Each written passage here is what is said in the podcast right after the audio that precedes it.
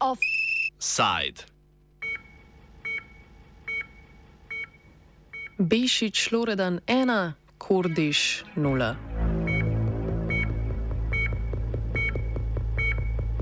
Državni zbor je sprejel zakon o nujnih ukrepih za zagotovitev stabilnosti zdravstvenega sistema, ki ga je pripravilo Ministrstvo za zdravje.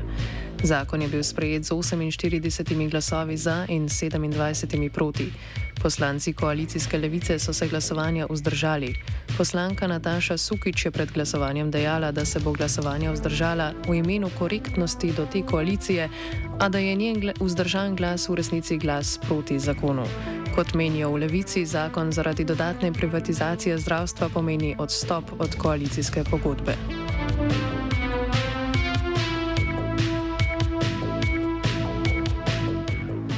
Glavni cilj zakona je po utemeljitvi Ministrstva za zdravje skrajševanje čakalnih vrst v zdravstvu in izboljšanje dostopnosti zdravstvenih storitev. Poleg tega zakon uvaja dodatke k plačam delavcev, delavcev v zdravstvu, s katerimi naj bi skušali privabiti zdravniške delavce v manj razvita območja v državi. Z dodatki k plačam.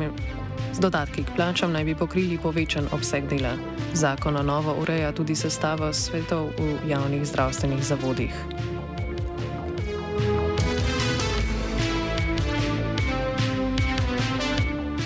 Zakonu ne nasprotujejo le v levici, ampak je naletel na negativen odziv z praktično vseh strani strokovne javnosti.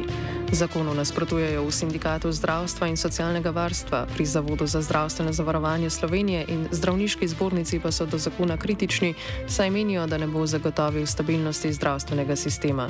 Po njihovem mnenju je bil zakon napisan brez sodelovanja širše strokovne javnosti, predlagani ukrepi pa ne bodo privedli do zmanjšanja čakalnih vrst in omogočili boljše dostopnosti zdravstvenih storitev. O zakonu smo se pogovarjali z nekdanjim ministrom za zdravje in nekdanjim direktorjem Zavoda za zdravstveno zavarovanje samom Fakinom, ki meni, da zakon bistveno ne spreminja ničesar. Da nimo plačni dodatki niso nič novega. Ja, ne vem, kaj je pravzaprav minister ali pa ministrstvo s tem eh, želelo, kaj je želelo doseči, ker vsi ti ukrepi, ki jih predlaga, so že sedaj v, v, v uporabi in ne delujejo. Tle mislim od eh, povečanja eh, eh, sredstev za skrajševanje čakalnih dob do boljšega nagrajevanja splošnih zdravnikov. Ne. Vidi se pa v zakonu zelo jasna tendenca po večji kontroli bolnišnic, po večjem vplivu ministrstva, s tem politike na imenovanje članov sveta zavoda, po imenovanju direktorjev, ki jih neč več ne imenuje vlada, ampak jih imenuje minister uh, za zdravje, in pa seveda jemljajo določene kompetence zavodu za zdravstveno zavarovanje kar pomeni nikakor ne več pooblastil Zavodu za zdravstveno zavarovanje, o katerih ne nekno govorijo, ampak imati ta pooblastila, da bojo lahko po svoje delili denar. Še pred sprejetjem zakona je bil ustanovljen Urad Republike Slovenije za nadzor kakovost in investicije v zdravstvu. Stroški urada bodo znašali slabih 400 tisoč evrov, ta bo skrbel za izvajanje strokovnega nadzora s svetovanjem. Novi zakon ukinja Urad za centralno evidenco cen. Ta je bil ustanovljen med vlado Jana Zajanše in je upravljal enako funkcijo, kot jo bo novo ustanovljeni urad. Realno vlogo novega urada komentira Fakin. Je to, to, tako kot je napisano, bo šlo zgolj za koncentracijo uh, moči v enem človeku, konkretno gospodu Šabedru trenutno. Zadeva pa deluje kot holding. Ne? Minister je svoje kompetence oziroma pristojnosti prenesel na uh, ta urad in ta urad bo imel uh, absolutno oblast nad, nad bolnišničnim, uh, nad bolnišničnim delovanjem. Ne? Zasnova ni napačna, vprašanje pa je uh, človeka, ki bo to vodil, in pa seveda generalnih uh, usmeritev uh, ministrstva, kaj želi z bolnišničnim sistemom doseči. Zakon zdravnikom s povečanim obsegom dela in tistim, ki delajo v manj razvitih regijah, obljublja nagrade, ki, bo, ki bi po mnenju predlagateljev pripomogle k skrajšanju čakalnih dob. Komu točno so nagrade namenjene, pojasni predsednica Sindikata zdravstva in socialnega varstva Irina Ilešič Čujovič. Tega v resnici ne vemo prav dobro. Eh, zakon vsebuje en člen v zvezi z nagrajevanjem vendar vse podrobnosti, tako kriterije za nagrajevanje, kot tudi kdo je upravičen do nagrajevanja, prepušča podzakonskemu predpisu, ki ga bo izdal ministr za zdravje. Tako da to je kritika zakona, piše sicer neka številka, 2000 evrov bruto, ni jasno niti kdaj bo prišla do izraza, niti komu bo ta nagrada namenjena, niti za katere storitve prav natančno. Ali bodo torej dodatki sploh prispevali k skrajševanju čakalnih vrst? Pete, če bojo zdravniki za ta denar, ne, ki je namenjen zakona, delali, potem se bodo čakalne dobe skrajšale izkušnje so pa slabe. Ne. Že enkrat, eh, enkrat sem že rekel, da čakalnih dob ne bo, ko bo uh, ustrezna postavka, urna postavka. Trenutno pri zasebnikih dobijo 50 evrov uh, na uro, v javnih bolnicah so poplačeni 20 evrov na uro in to je ključen razlog, zakaj se v javnih bolnicah, kljub temu, da je denar na voljo, ne dela več. Javni obračun se je razumel že po petkovi seji vlade.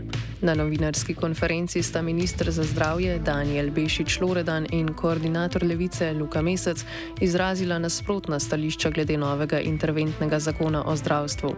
Medtem ko je Mesec zatrjeval, da zakon še ni usklajen in si bodo v levici pred sprejemom zakona prizadevali za jasno ločnico med zasebnimi zdravniki ter javnim zdravstvom, Bešič Loredan glede čistih zasebnikov, kot se je izrazil, ni imel pomislekov postaviti ločnice v tem sistemu zdaj med javnimi zdravstvenimi zavodi in koncesionarji. Vsi skupaj so del javne mreže, so podpisniki splošnega do, dogovora in v tem sistemu gre seveda težko. Notri, če gremo na ta način, kot smo šli, da bomo z aneksom splošnim dogovorom, brez da delamo od kakšnih posebnih programov, naredili samo to, da bomo od 1. septembra letos do 31. decembra 2020 23 z varovalkami, seveda, sproti plačevali vse opravljene storitve znotraj javne mreže. Javna mreža je podpisana pogodba z ZZZS-jem.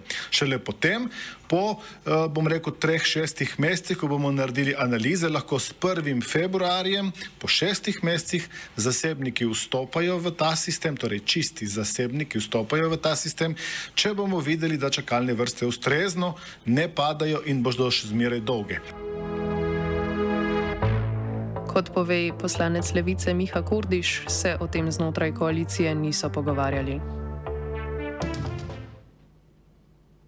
To je zadeva, ki poteka brez konsenza, v resnici je pa uh, največji prelom konsenza na enem koraku prej, to, kar sem že omenil, se pravi, da se bo sočasno financiralo tako javne bolnišnice in javne zdravstvene zavode, kot tudi zasebne izvajalce s koncesijo. Tukaj prežiti sta uh, največja nevarnost, ki ni omejena zgolj na čas trajanja interventnega zakona, ki je kakšno leto in pol, ampak se nam bo zelo hitro zgodilo, da bodo recimo zdravniki dvoživke uh, dali odpoved v javnih bolnišnicah, se preselili na delo s koncesionarjem, ker bodo finančno pokriti iz naslova tega zakona. Potem pa, ko bo financi zakona zmanjkalo, začeli z izsiljevanjem pacijentov in države, da jim ta ugoden finančni režim uh, zasebnega dela za dobiček podaljša v uh, nedogled. Kako ministrove besede razumejo v sindikatu zdravstva in socialnega varstva, pove Ilešič Čujevič. Jaz to razumem kot um, privatizacijo skozi zadnja vrata, morda celo skozi prva vrata. Um, temu se bomo odločno uprli, zagotovo. Um, me pa seveda take besede žalostijo. Ta zakon morda tudi, tudi ali pa predvsem zaradi te nedorečenosti nekaže, nekako kaže v to smer. Upam vedno, da se motim in da nam je vsem v interesu ta vrednota, ki jo imamo, torej javno zdravstvo. Bomo pa verjetno kmalo videli, kako se bo zadeva odvijala. Fakin nam je podal tudi svojo oceno ministrovih besed. To je zelo slabo. Ne?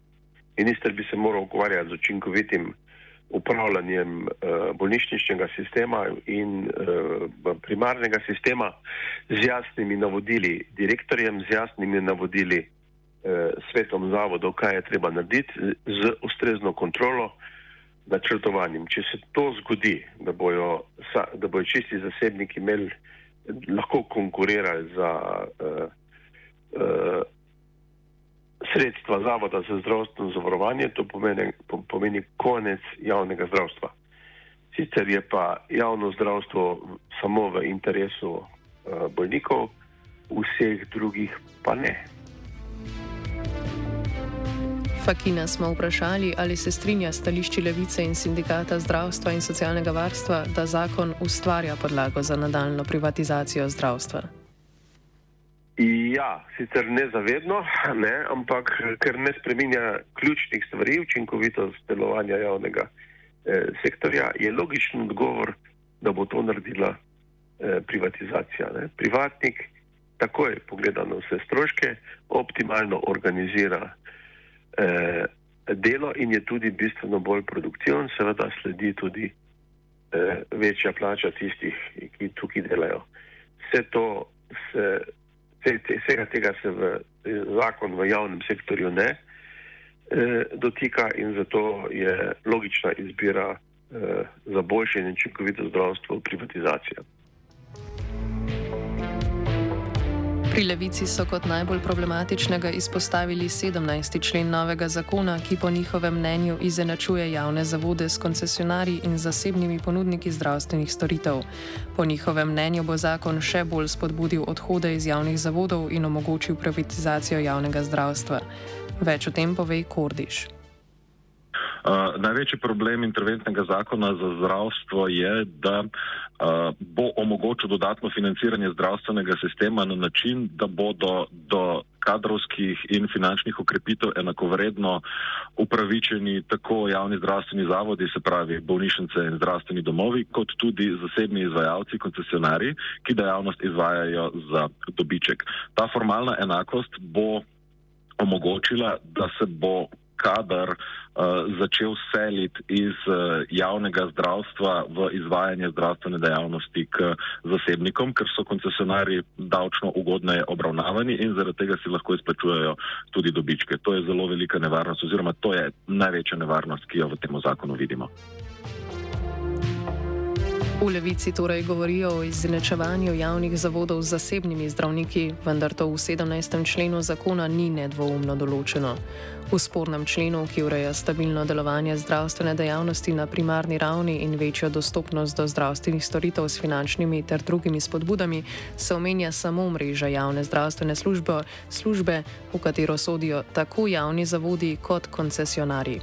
Levica vidi problem v tem, da zakon ni uredil ločitve med javnimi zavodi, koncesionarji in zasebnimi ponudniki. Kaj konkretno v zakonu utemeljuje stališče stranke Levica, je poskušal pojasniti Kordiš.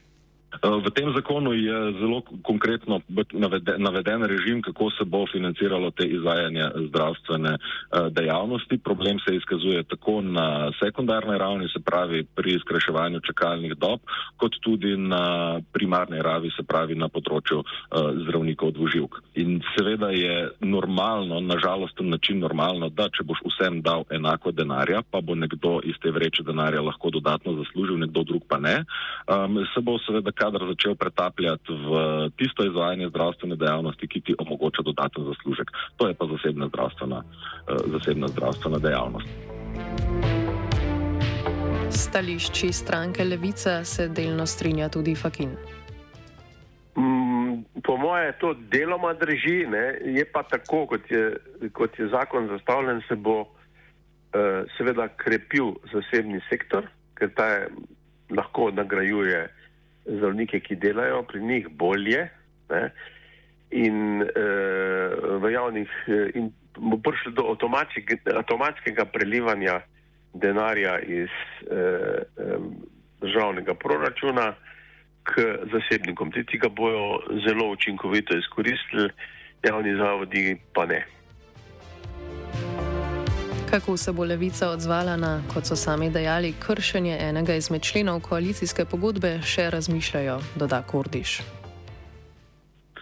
Um, glede na to, da smo šele uh, na začetku mandata in glede na to, da se morajo posledice zakona še pokazati, smo dogovorjeni, da bomo na, od blizu spremljali, kaj se bo z, na podlagi zakona dogajalo, koliko se bodo dejansko skrajševale čakalne vrste, kakšni bodo finančni in kadrovski tokovi, čez nekaj mesecev pa naredili evalvacijo. In če se bo izkazalo, da so bila naša opozorila na mestu in upravičeno, uh, je bilo uh, v pogovorih in usklajevanjih zagotovljeno, da bomo povlekli primerne poteze, da te nevarnosti in luknje v zakonu odpravimo. Krovni razlog za nastanek zakona je bila želja po vrnitvi razmer v zdravstvu v takšne, kot so bile pred izbruhom pandemije COVID-19. A razmere takrat niso bile prav nič boljše kot danes. Po mnenju številnih strokovnih organizacij, poleg tega zakon ne dosega izvirnega cilja, temveč odpira zadnja ali morda celo sprednja vrata nadaljni privatizaciji zdravstva. Poleg tega je novi zakon že pokazal prvi razkol v koaliciji. Ob njenem oblikovanju so mnogi špekulirali, da bo gibanje Svoboda lahko zakone sprejemalo, če bo to treba zgolj z glasovi socialnih demokratov ali pa zgolj s podporo levice. Z današnjim dnem se špekulacije pretvarjajo v resničnost.